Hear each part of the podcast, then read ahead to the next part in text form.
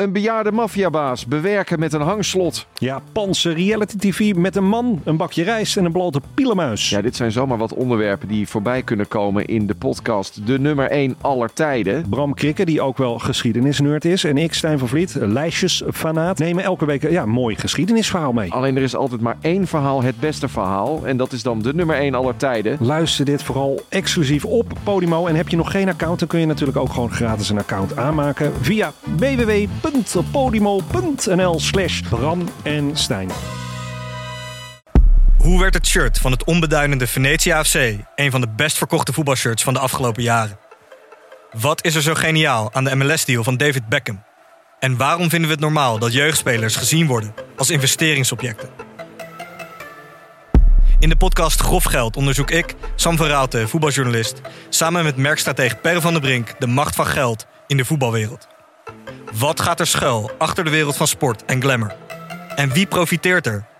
Luister naar Grof Geld en hoor hoe de Skybox de staantribune beïnvloedt.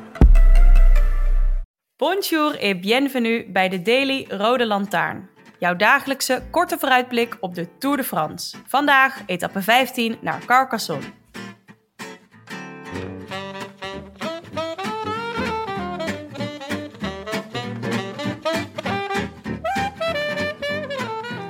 Maaike, Hey Tim. het dochtertje van Michael Matthews is altijd in hem blijven geloven. Ze is vier. Dat is toch lang volgehouden? Ja, dat is knap. Ja. Mijn dochtertje is ook vier en die noemt me altijd Dommy. Ze zei vandaag, ik ga je teennagels lakken, Dommy. En dat heeft ze gedaan. Dus het was een prachtige dag vandaag. Maar Matthews, leuke winnaar. Ja, ja, zeker. Bart de Vries vroeg op Twitter aan ons... waarom gunnen jullie het hem eigenlijk? Want hij blijft altijd maar een beetje plakken. eh, nadat wij tweeten... Het is je gegund, Michael Matthews. Maar ik heb het gevoel dat hij gewoon een zeer getalenteerde wielrenner is. Die zeer veel pech heeft. En ook altijd de verkeerde keuzes maakt. Ja. Mijn favoriete Matthews moment is... Ik denk eh, twee jaar geleden. Toen DSM zei... We gaan voor de sprint van Matthews dit jaar. En toen confronteerden ze hem daarmee. En toen zei hij... Oh, daar heb ik helemaal niet op getraind. En dat is nu waarschijnlijk ook het geval. Hij, hij wilde laten zien vandaag dat hij niet alleen maar een sprinter Ja. is. En eh, hij dus ook blijkbaar ergens anders op heeft Nou ja, getraind. dat, eh, dat is gelukt blijkbaar. Eh, Zo, hij was goed zeg. echt niet normaal. Ik, ik, ik dacht, hoe, hoe kan het nou dat hij ook dan zo goed is in, in dit discipline? Ehm, en toen hoorde ik iemand uitleggen dat hij dus blijkbaar wel heel goed is en heel kort eh, zo'n maximale inspanning leveren. Dus juist 10 minuten volle bak, dat hij daar heel goed in is. Nou ja, dus wat dat betreft Oh eh, heeft hij het dan ook goed getimed. Want hij, je zag hem natuurlijk de hele tijd met, ehm met Bettiol was het hè? Ja, Ja, de hele tijd elkaar. Nou ja, hij werd eigenlijk weer teruggepakt door Bettiol. En toen, ja, dat was wel echt een hele mooie tweestrijd. Ik had niet verwacht. ja maar dit was echt eh, geweldig. Ja, ik had, die was- laatste keer dat, dus dat Matthews nog terugkwam, had ik echt, echt niet verwacht. Ja, want Bettiol reed eigenlijk best wel makkelijk naar hem toe. Toen leek Matthews even helemaal stil te staan. Toen ging Bettiol weg. Ja. Toen kwam Matthews weer terug.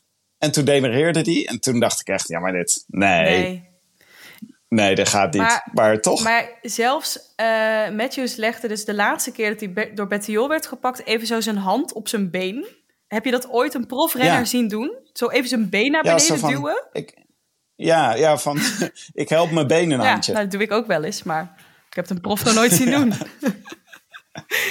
Ja, nee, dat was echt... Toen dacht je echt, ja, maar nou, nou is hij gewoon... Dit slaat nergens nee, op. nee, dat je dan ook, eh, toen het weer iets eh, vlakker werd, dan ook nog zo alle registers open kunt zetten en dan nog zoiets. te- ja, nou, ik vond het echt ongelooflijk. Maar het was vandaag ook dat, die groep waar die in zat. Wat een elite groep, joh. Want Daniel Felipe Martinez zat er ook bij. Ja. Vugeltje, Ja. Oeran, Oeran, Oeran en Oeran.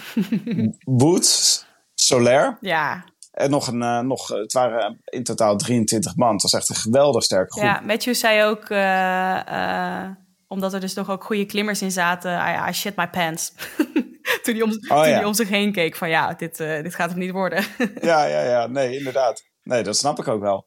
En eh, wat ook een leuke was, was dat Mijntjes erbij zat. ja, Eh, Louis Mijntjes, onze favoriet uit Zuid-Afrika.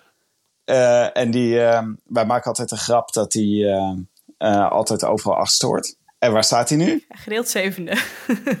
Oh ja, nee, op gedeeld achtste. Zo werkt het niet, Tim. er is nu geen achtste plaats. Oh ja, is nu... Oh nee. Nee, jij bent gedeeld zevende. En daarna komt de nummer negen, toch? Oh ja, oké. Nou, vooruit. Maar Mijntjes was dus... ehm, eh, die, op een gegeven moment was het groepje was echt ongeveer een kwartier weggereden van het peloton. Ja. En toen leek Mijntjes even op weg naar het virtuele geel. Nou, dat was me wat geweest. Goh, dan hadden we echt... Dan was, hadden we echt... eh, ons, hadden we door het stof gemoet, hoor. Nou, en dan hadden we ook een spoed, spoedkast van eh, twee uur opgenomen om eh mijntjes te eren. Ja, met alle hoogtepunten van Louis Ja. Mijntjes. Hij was zelf erg tevreden, want hij zei... Ze pakken me altijd op het vlakke. En nu kon ik eindelijk... eh, kon ik hun pakken. Mm. En Roglic en Van Aert liet het niet gebeuren. hè? nee, er werd toch even gereden. En nou ja, ik, ik, mijn hele dag ging weer overhoop. eh want ik dacht, ik ga in de ochtend eh, of begin van de middag sporten. Ik dacht, nou, even, even aanzetten. Wat gebeurde daar nou weer, Pogacar? Oh ja, maar ze hebben... Ze zijn zo hard... Oh, nou, je bedoelt aan het begin ja, van de dag. helemaal het begin van de dag. Ja, hij heeft dus gedemareerd aan het begin van de dag. En aan het einde. Toen, dachten, toen gingen ze nog eh, aan het begin, toen zat eh, Jumbo niet goed op te letten. Of Vingegaard niet goed op te letten. En toen ging Van Aert er dichtrijden. Toen dacht ik, laat hem lekker rijden. Ik bedoel, Jij dacht, laat. Pogacar rijden. laat hem zich kapot rijden. Ja, Hmm. Ja, ja, veel te lang. En dan, eh, je kan altijd, als het te veel wordt, kan je met z'n allen gaan chasen. En daar heeft Ju- Jumbo echt zoveel, eh, zoveel mannen voor. ja, heb je misschien wel gelijk. dus ik had hem lekker laten rijden. Ja. Maar goed, Van Aert, weet je wel, die, doet heel even, die ademt heel even in zo. En dan rijdt hij dat gat dicht. Ja, ook ehm, ehm, ik zag dus na de finish dat Matthews en eh Pogacar blijkbaar vrienden zijn. Wist, wist Ja. ik niet. Ehm, Een heel ongemakkelijke knuffel. ja, met die zonnebril die bijna eh, afviel. Ja. Dus het was, ik dacht, oh, dit is een beetje ongemakkelijk. Maar toen ging ik op de gram kijken. En er staan teksten als Brother from Another Mother onder postjes. Wat? Dit gaat heel ver. En de auto van Pogacar, die hij gekocht heeft nadat hij vorig jaar de Tour won, staat bij Matthews in zijn garage. Wow. Maar wacht eens, ik dacht, toen ik dit zag, dacht ik, die Pogacar die is ook met iedereen vrienden. Dat dacht ik ook. Hij deed ook met Vingegaard een handje. Heb je dat gezien? Was dat vandaag? Ja, na de finish. Nou. Toen uh, ze reden dus even met z'n tweeën weer weg. Een paar demarages van Pogacar. En toen na de finish, toen deden ze ook even gewoon zo'n handje bij, bij elkaar. Zo van, uh, nou, dit hebben we samen weer gecheft. Ja, ja maar het is, het is wel, het is denk ik oprecht een heel sympathieke gast. Die dus ook nog steeds wielrennen heel leuk vindt. Dus daarom ook dan zoiets doet in het begin van een etappe wat helemaal niet logisch is. Of geloof jij Ja. het niet? Nee, ik geloof het Ja. wel. Ik vind hem er ook sympathiek uitzien. Ja. En uh, is een leuke renner, bovendien, die gewoon zin heeft om aan te vallen. Ik had nog twee uh, dingetjes over deze etappe van vandaag. Mhm. Um, er is echt loeihard gereden op die laatste klim. Ja. Hij ging even snel als de klim van Pantani, Indurain en Ries in 1995. Nou zijn dat niet mannen met een uh, smetteloze reputatie. Ik vind het wel frappant dat er zo hard gereden wordt deze Tour. Echt een stuk harder dan de afgelopen jaren. Ja. Dus worden wattages getrapt waar je oren echt van gaan klapperen. Maar geen conclusies, Maaike. Gewoon leuk. Gewoon leuk. Um, en uh, nee, dat was het eigenlijk. Laat ik het daar maar bij houden. Oké. Okay. Jullie gaan het hittefront wel een beetje ontlopen, hè? Het wordt niet meer zo warm in de Pyreneeën Nou ja. als jullie gaan uh, komende week. Jij zei het, maar ik ging kijken naar, de, naar Toulouse, waar wij op vliegen. Als we aankomen is het gewoon wel 38 graden. Ja? Ja, dat is toch warm? Oh. dat is toch warm? ja, maar het is in de Pyreneeën. Gaat, wordt het bewolkt waarschijnlijk. Ja, di dinsdag zag ik dus ook onweer staan. Uh, ja. Dus ik ben benieuwd. Onweer, regen ja. en alles. Ja, maar goed, vandaag was het gewoon 40 graden. Never a dull moment, hè, deze tour. Nee. Het is echt ongelooflijk. Nee. Wat een tour. Ja, wel, ja. Nou, je hebt eigenlijk niet echt kabbelende etappes of zo. Nee. Weer vandaag de hele dag. Ik durfde ook niet weg bij mijn scherm. Of niet veel. Nee, is, dat, je kan, dat kan niet. Nee. Sporten moet je opgeven, Maaike. Ja, nou, ik ben net even gegaan. Maar zullen we vooruitkijken? Etappe 15? Ja, morgen. Lekker lang koersen. Mm -hmm. 202 kilometer van Rod Rodé naar Carcassonne. Rodez. Hoe zou je het uitspreken? Hm. Met heerlijk 39 graden op je bolletje. ik zag vandaag alweer ijs op plekken gestopt worden. In sokken. Uh, er werd Ja. calippo gegeten op de fiets. Ja, er zijn gewoon grenzen aan uh, dat je er iets, iets aan kunt doen. Dit is echt, nou ja. Ik zeg maar gewoon vreselijk. Ja. Dat weer. Echt vreselijk. Ja. Het is morgen een sprinters-etappe. De sprinters zullen vast graag willen, want die lopen de hele tijd te klagen dat er te weinig gesprint wordt. Maar er zitten ook twee bergjes in. De Côte de Ambialet van 4,4 kilometer. eh, met eh, ongeveer eh, gemiddeld 4,6% klimmen. Daarna de Côte de Camaz. 5,1 kilometer A 4,1%. Dus dat biedt wel kans voor de aanvallers. Maar de laatste 50 kilometer is zeer vlak. ja. En eh, ik zag dat Gouvenou, onze vriend, eh, de, de parcoursbouwer, die zei: laatste 10 kilometer is erop ingericht voor waaiers. Ik dacht, sinds wanneer kun je een etappe inrichten op waaiers? Je weet toch niet al een jaar van tevoren hoe de wind staat? Ja, dat zijn van die plekken waar het dan altijd hard waait. Hmm. Maaike, als je ooit in een appartement hebt gewoond in Amsterdam, zoals ik, waar het altijd waait, dan weet je dat je op sommige plekken in de wereld kan zeggen: het waait altijd. Net als bij de Plug Streets. Ja, ja. Ja. precies. Ja. En dat is dus, dat verwacht hij morgen dus ook in de laatste 10 kilometer. Dus dat wordt wel interessant als er dan een kopgroepje is. En de sprintersploegen zijn aan het achtervolgen. Dan moet je goed opletten. Maar denk jij dat iemand nog zin heeft om eh, nog een keer voor vlucht te gaan rijden? Nou, daar zeg je me wat. Ik hoop dus Taco van der Hoorn. Ja, Ik had, eh, zat te denken over Nederlander vanmorgen. Daar zijn er best wel een aantal. Hier zijn we goed in, in dit soort etappes. Maar ik dacht, wel iets voor winnaar Taco om morgen mee te zitten. ja. Oké, dus als er een... Ja, hij hij heeft zich vandaag redelijk rustig gehouden, denk ik, hè? Voor zover het kan. Ja, ik heb het niet gezien, eerlijk gezegd. Nee. Maar jij schrijft natuurlijk Bauke Mollema weer op. Nee, nee, nee, nee. Want Bouke heeft even een rustdag nodig. Daar is hij goed Ja. in ook, hè? Rustdagen. ja. Dat doet hij Even lekker lezen. Ja, doet hij niet veel. Boekje lezen. Even een uurtje fietsen of zo. Eh is gewoon rustig aan. Maar eh, ik had dus een foutje nog gemaakt in het eh, tourboekje. En dat is de dinsdag. Ook dus qua etappe komt dat volgens mij wel goed uit. Nou, Bouke zei zelf...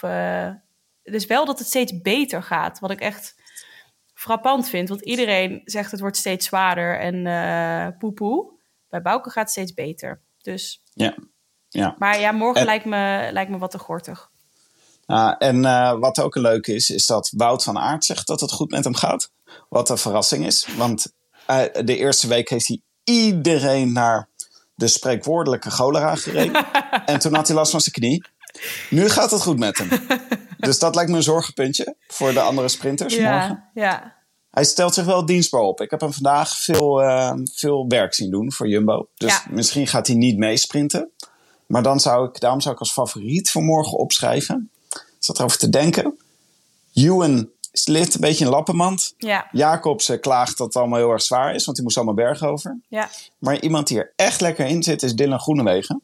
Dus ik dacht, nou, misschien komt hij wel lekker fris morgen eh, tevoorschijn. En zijn Ja. ploeg heeft natuurlijk lekker etappe-overwinning gehaald vandaag. Ja, van de sprinters denk ik wel nog een van de meest frisse mannen. Want Ewan die eh, eh, werd, hij zei na 10 kilometer vandaag zat er al een gat tussen hem en het peloton. Ik denk dus omdat eh, voorin gas gegeven werd. Dus door die aanval van, van Pogacar, denk ik.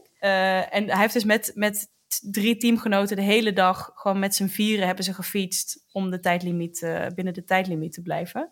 Ja. Ehm, dus ja, en inderdaad, Jacobs eh, voelt zich volgens mij ook al een aantal dagen niet heel lekker. Dus Groenewegen lijkt me, lijkt me een goeie. Ja, en Tim Wellens houdt ook niet van, van de warmte. Dus dat, bij Lotto gaan ze daar ook niks aan hebben. Nee. En ehm, eh, Jasper Philipsen? Ja, laten we die opschrijven als donker paard. Mhm. Die eh, kan dat wel goed, hè? Dit soort, eh, het is toch een beetje een verraderlijke etappe, hoor, morgen. Met die twee klimmetjes. Maar het is ook, ze rijden een beetje om een berggebied heen. Niet heel erg succesvol. Want ze gaan wel heel veel heuvels en zo over. Ja. En Jasper Philips is er zo eentje, die kan dat goed verteren. Ja. Dus ehm, die zal wel, ik- die zal hem wel opgeschreven hebben. En wat ik ook leuk vind, is dat ik heb echt, denk tien dagen niet aan Jasper Philipsen gedacht. Jij? Ehm, nou, hij kwam in een één etappe kwam die voorbij met iets. Toen ben ik ook even gedeepdived in zijn eh, Instagram. Toen dacht ik, best wel een leuke renner eigenlijk. Ja? Eh, dus ik heb, wel, ik heb wel aan hem gedacht, maar zonder reden eigenlijk. Oh ja. ja. ik heb soms met de Tour dat je ineens denkt, oh ja, die is er ook nog. Maar daarom een goed dark horse, Ja, Jasper Philipsen. goeie. Ja, winnaar Taco, dat zou leuk zijn. Maar ik verwacht, ja, ik verwacht niet echt een vlucht eigenlijk. Volgens mij kijkt iedereen wel uit naar de rustdag. Ja, maar ja. Ik spreek ook eh, voor mezelf. Ja, ja, ja, jij leeft er echt naartoe, hè? Ja, dat eh, snap ik wel. Waren het niet dat je op de rustdag weer een lekker volle rode lantaarn gaat opnemen? Ja. ja, wij zijn er eh, voor de duidelijkheid maandag niet, want dan is er geen etappe met een daily, maar wel met een lange met Willem en Jonne. En jou? Oh ja, verdomd, als het niet waar is. Jij moet ook gewoon komen, Tim. Nou, ik ben benieuwd hoor. Ik denk morgen wel dat ze gewoon weer gaan knallen vanaf het begin. Dus eh, ga maar niet eh, naar het strand. Ik ehm, ga naar mijn zus, die is eh, jarig en ze heeft een eh, zwembadje in de tuin. Dus Oh. laptop erbij, voetjes in het water. Oh, het luxe leven. Ja, het goede leven. En ik ga gewoon weer met twee boze peuters binnen zitten die me de hele tijd Dommy noemen. en niet in mij geloven. Oh, sterkte Tim.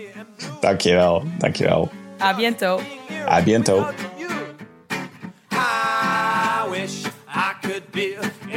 South of France. In the south of France. Sitting right next to you.